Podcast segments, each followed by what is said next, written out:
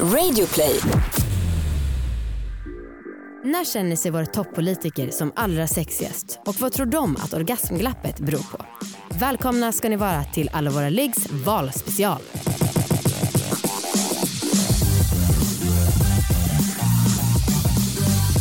Hallå allihopa och välkomna ska ni vara till succépodden Alla våra ligg. Hej, hej, hej. Det här är som ni vet en podd om sex, sexualitet och om att äga sina val. Mm. Och jag heter Anna. Och jag heter Amanda. Hej. Och nu är det så här att valrörelsen är i full gång. Överallt på stan ser man ganska intetsägande affischer om att det är viktigt med vård, skola, trygghet. Det här är såklart jätteviktiga frågor, kanske livets viktigaste. Men för att bredda debatten så har vi velat prata med politikerna om något som ni ofta frågar oss om och något som är en av våra hjärtefrågor. Nämligen det här med orgasmglappet. För det är så att eh, enligt en amerikansk studie så kommer män vid 95% av liggen när det är heterosexuellt sex på gång. Kvinnor kommer bara vid 65% av liggen. Och man kan tänka så här, vad fan har det här med politik att göra? Och det här handlar ju bara om några sekunder av muskelsammandragningar. Så är det såklart, men vi tror att det är ett resultat av något mycket större. Normer, könsroller, sexualkunskap och stereotyper. Ja, och framförallt så påverkar det ju mycket kvinnor väldigt mycket i livet. Eh, vi har valt att bjuda in representanter från alla riksdagspartier om, för att prata om det här. Och vi kan bara säga att eh, vi har fått med oss alla riksdagspartier förutom Moderaterna och Sverigedemokraterna som tyvärr drog sig ut när de fick eh, frågorna av oss. Eh, vilket är väldigt synd för att det hade varit eh, intressant att få deras perspektiv då de är två av våra mest konservativa partier. Men vi ska prata med många andra om sex och sexualitet för att vi tycker att det pratas för lite om det. I det här avsnittet pratar vi med Gustav Fridolin, språkrör för Miljöpartiet och han hade tyvärr lite dålig uppkoppling på sin telefon när vi pratade så att vi hoppas att ljudet är lyssningsbart ändå. Hej hej Gustav, hur är det med dig? Bra. Själv? Bra, Det är jättebra. kort och koncist och konkret. Kul att höra från en politiker. Eh, vi tänkte Så bara... det blir värre snart. Ja, det är bra. vi tänkte börja intervjun med att fråga dig om en sak som vi brinner väldigt mycket för och det är eh, orgasmglappet mellan heterosexuella män och kvinnor. För det är så att det finns en stor studie som visar att det går tre manliga orgasmer på två kvinnliga när det gäller heterosexuellt sätt. Och vi undrar vad ni, Miljöpartiet och du, tror att det beror på och om det är en viktig fråga för ert parti. Ja, jämställdhet är en viktig fråga och jämställd sex är en del av det. Och jag tror att jämställd sex handlar om eh, respekt, kunskap och kommunikation. Alla de tre delarna är ju sånt där skolans sex och samlevnadsundervisning kan göra jätteskillnad om den är bra. Mm. Eh, Och där en skola där elever i största allmänhet känner sig otrygga och inte möter varandra med respekt kan göra skada. Mm. Eh, Så därför spelar ju sex och samlevnadsundervisningen och trygghetsarbetet som vi brukar säga på skolan jättestor roll för, för detta. Hur skulle ni vilja utveckla den sex och samlevnad? Ja, eh, ett av mina tidigare beslut var att göra en genomlysning av sex och samlevnadsundervisningen. Mm, För mm. att de flesta styrdokument är ganska bra, eh, tar upp rätt mycket bra grejer men vi vet ju alla att det ser väldigt olika ut på olika skolor. Mm. Eh, På en skola kan man ha de här riktigt djupa eh, diskussionerna om attityder och normer. Man har en stark koppling mellan sex och samlevnadsundervisningen och trygghetsarbetet i stort på skolan. Och på en annan skola är det någonting som knappt får plats alls och om det får plats så är det lite i biologin och det bygger helt på heteronormativitet. Eh, Och för att kunna göra utvecklingen så eh, började Skolinspektionen göra en, en riktigt bra granskning. Det var den första som har gjorts på 20 år Just det den på bordet eh, förra året. Och utifrån den har vi nu fattat eh, tre beslut. Det ena är att uppdatera läroplanen. För även om styrdokumenten i grunden är bra så finns det en hel del som saknas. Eh, det saknas eh, såklart en uppdatering utifrån den nya samtyckeslagen. Det behöver det vara. Eh, om man tänker att jämställd sex handlar om respekt, kunskap och kommunikation så är det ju respekten i det. Eh, Det saknas heder explicit. Det är någonting som bör vara med i all sex och samlevnadsundervisning. Alltså eh, hur ser kontrollen av mig, min kärlek, min kropp, min sexualitet ut? Eh, Och vad har jag för rättigheter?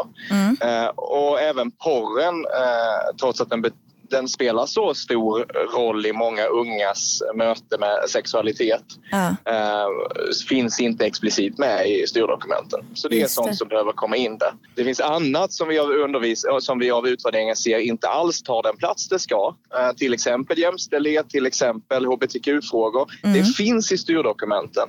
Så där handlar det snarare om det andra beslutet vi fattat, nämligen att det ska finnas fortbildning för lärare. Så att lärare kan få ta del av kunskap om hur jobbar jag med det här ämnet? Eh, Hur gör jag om jag tycker att det känns obekvämt eller svårt? Och det är i sin tur kopplat till den tredje delen. Att rektor ansvarar för, på en skola för att styrdokumenten följs. Och det ingår också att då ska sex och samlevnadsundervisningen finnas. Den ska vara likvärdig mot andra skolor. Det ska inte vara någonting man missar, hoppar över, inte orkar ta i. Ehm, och för att det verkligen ska hända så har vi nu pengar till rektorernas fackförbund och de jobbar ihop med elevernas organisationer. Att vara ute på alla skolor och understryka det här ansvaret för rektorer och också sprida metoder och verktyg om hur man kan följa upp sex och samlevnadsundervisningen. Eh, tänker du att det bara är i skolan som eh, den här eh, sexualkunskapen och jämställdhetsarbetet ska ske? Nej, det är klart att eh, vi lär och ser oss eh, om sex i alla möjliga olika sammanhang. Och, Mm. eh, ni spelar tror jag en jättestor roll för många unga. Äh. Eh, jo, men det tror Kan jag inte nog. vi få Eh, lite bidrag kanske? det, det, de, det, vi har faktiskt avsatt en pott för de som är ute och jobbar på skolor. Så då måste Just ni komma ut utanför cyberrymden också. Eh, Okej, då går vi över till tre snabba frågor som vi har. Och det här är kanske inte något som ni eh, jobbar aktivt med eh, men vi vill veta hur ni rent ideologiskt ser på det här. Första frågan är då, bör mensskydd vara gratis? Ja, det har Grön ungdom drivit och fått eh, igenom på vår kongress. All right, för alla. Eh, Beslutet handlar ju kanske mest om, om ungdomar. Eh, när, när det blir en så stor extra kostnad för många unga. När det dessutom vi vet att vi har unga i Sverige som lever under eh, hedersförtryck och vi ska ju göra allt för att bekämpa hedersförtrycken, utmana de normerna, se till att ingen ung eh, människa ska vara kontrollerad i sin kärlek eller sexualitet. Eh, men ett väldigt konkret stöd så länge vi ändå tampas med den här frågan är ju till exempel att man inte ska behöva berätta för sina föräldrar när man eh, fått eh, eh, Mens. menstruation. Ja. Just det. Okej, fråga två. Ska sexualiserande reklam förbjudas enligt lag? Ja, vi tror att en sån lag eh, kan spela roll. Den är inte alldeles lätt att ta fram för att eh, även reklam lyder ju under eh, yttrandefrihet. Men eftersom det här ändå handlar om starka kommersiella krafter som utnyttjar eh, ja, våra eh, mänskliga drag och som sen påverkar våra attityder och värderingar så tycker vi att det är rätt att reglera. Eh, Och Per Bolund och Alice Bah Kuhnke har påbörjat ett arbete med att se hur funkar den här typen av regleringar i andra länder som har det? Hur skulle våra regleringar kunna se ut framåt? Vad har hänt i branschen? Hur funkar den här så kallade självregleringen som reklambranschen brukar peka på? Mm. Tredje frågan. Ska det finnas en lag som ger kvinnor rätt att amma sina barn offentligt? Alltså med tanke på att vissa kaféer och så säger att nej, nej, här får ni inte sitta och amma. Nej, vår inställning är att det borde vara lagligt redan idag. Det är svårt att se att vi, vi ska behöva en särskild lag för det. Eh, Skulle det visa sig i en rättsprocess att det inte är lagligt, ja men då kan vi behöva ändra i lagen.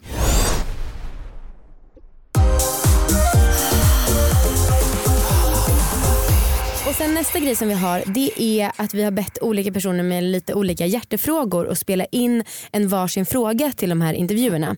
Eh, vi har redan pratat en del om första frågan som handlade om sexualundervisning. Det var en tjej i åttan Ja. som ställde den. Så vi kanske går direkt då vidare till den andra frågan som vi har planerat. Yes. Hej, Tobias heter jag och driver podden Regnbågsliv och är hbtq-person. Och jag undrar hur du och ditt parti kämpar för hbtq-personers möjligheter att få barn. Nej, men vi har ju eh, kämpat för de eh, steg som Sverige har tagit när det gäller eh, rätt att prövas som adoptionsförälder, när det gäller möjlighet till eh, insemination och vi kämpar ju vidare när det och för den här förändringen som sker nu, att man också som eh, ensamstående ska ha möjlighet att inseminera. Just det. Um, Sen handlar det ju, jag, jag, jag tolkar ändå frågan som, som det att det både handlar om möjligheten att bli förälder och möjligheten att på riktigt vara förälder, alltså att ha lagarna, det handlar om föräldraförsäkring och så som ändå gör att man eh, har möjligheten att, att vara förälder på samma villkor som andra. Mm. Eh, och där kämpar vi ju för att ha en tredelad föräldraförsäkring. Eh, och vi kämpar i grunden för att man ska få ha fler vårdnadshavare än två. Har man, har man i praktiken som barn fler vårdnadshavare än två har man rätt att ha samma juridiska villkor till var och en och, och föräldrarna har rätt att ha samma eh, ansvar och juridiska eh, rätt till barnet som, som eh, en annan förälder. Och när man pratar om föräldraförsäkring då pratar man om alltså föräldraledigheten eller hur? Ja, Ja, det är konstigt att det heter försäkring tycker jag. Eh, ja det är sant. Det är, väl, det är väl för att man inte är så ledig kanske. ja, kanske. Eh, Okej, nästa fråga. Hej politiker, börjat jag. Jag har en, en tjej i yngre tonåren som nu börjar springa ute på stan och jag är orolig när hon är ute sent på kvällarna. Eh, det börjar testas alkohol och jag vet att eh, det kan hända saker på stan. Så min fråga är, hur ska främst unga tjejer kunna känna sig säkra på stan? Och hur ska vi föräldrar kunna känna oss säkra på att de kommer hem igen? Alltså han säger tjej, han menar dotter. Allt trygghetsarbete handlar i grunden om, om två saker. Eh, dels att eh, avvärja en miljö som uppfattas som otrygg eh, i det offentliga rummet. handlar det såklart om att eh, det handlar om något som vi ofta börjar kalla för feministisk stadsplanering. Alltså att eh, tjejer och kvinnor, eh, medborgare i stort, är med och planerar sina lokala områden på ett sådant sätt att man har aktivt stadsliv, att det finns belysning där människor vill ha det, att eh, miljöer är inbjudande för, eh, för både killar och tjejer och man känner sig trygga och för andra eh, oavsett könstillhörighet. Mm. Men det andra handlar ju om att ha ett starkt förebyggande eh, arbete. Och det förebyggande arbetet är ju både ett arbete för att det ska finnas grundläggande respekt människor emellan. Sa du feministisk stadsplanering? Ja, Heter det så?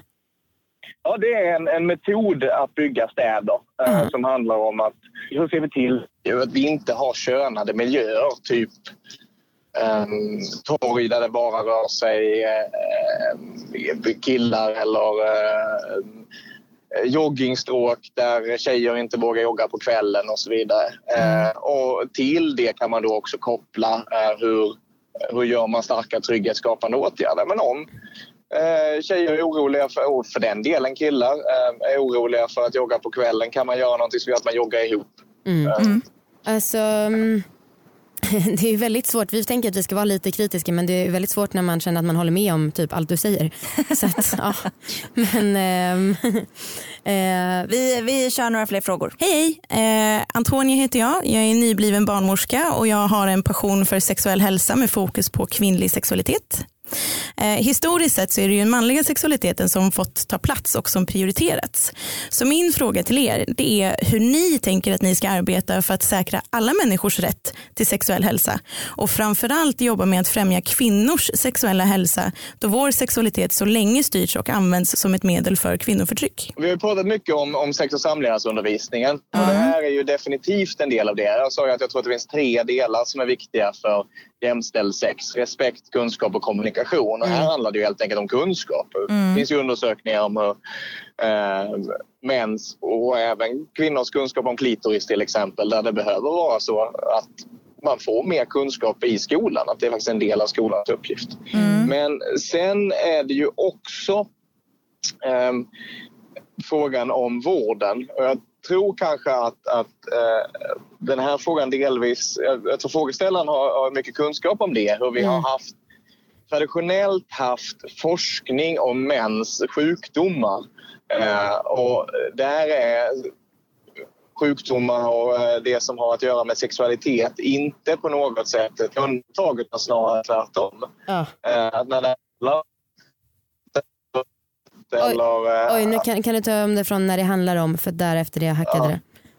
Nej, men när det handlar om eh, smärta i underlivet eller eh, sjukdomar i kvinnohälsan så har det varit mycket mindre både forskning och resurser. Och det behöver vi styra om. Vi vill att när man eh, sätter anslagen för eh, hälsoforskning så ska det finnas ett eh, tydligare styrning av det så att vi eh, eh, försöker ta igen lite av den brist som varit när det har gällt om kvinnor och eh, hälsa. Hur ska, hur ska det här komma fram då? Hur ska man få mer information rent konkret? Alltså, det är en sak. Det ju på hur man plockar fram ny, eh, ny kunskap och information. Så det är nog precis som ni säger att det finns ju en hel del kunskap och information som inte är spridd bland till exempel vårdpersonal. Och där vet jag att Miljöpartiet i ganska många landsting har jobbat, för, som ju styr över vården, har jobbat för att just bygga fortbildningsprogram, säkra att det finns kunskap på alla vårdcentraler, eh, ungdomsmottagningar dit man, eh, dit man vänder sig när man eh, har någon form av ohälsa. Mm. Och då har det både handlat om kvinnors hälsa generellt, för vi har liknande problem när det handlar om kunskap om, om eh, sjukdomar eh, av o- olika slag som drabbar kvinnor i större utsträckning än män eh, och eh, eh sexuell hälsa. Vi, vi har själva inte barn men vi snackade med en person eh, och eh, några andra om liksom själva eftervården efter förlossning. Om att man får ganska mycket information inför en förlossning och under graviditeten men sen, sen är det kanske lite tystare och då eh, ofta så eh, har ju folk problem efter en förlossning.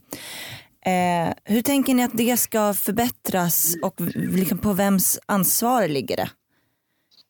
Vi vet att vi i regeringen, och det här är någonting som Annika Strandhäll också har eh, börjat fatta beslut om och, och, och tagit fram eh, beslutsunderlag för, arbetar ju för att det ska finnas ett nationellt regelverk om hur eftervården ska se ut. För det är Ja, precis det som du säger, det där ser jätteolika ut i olika landsting.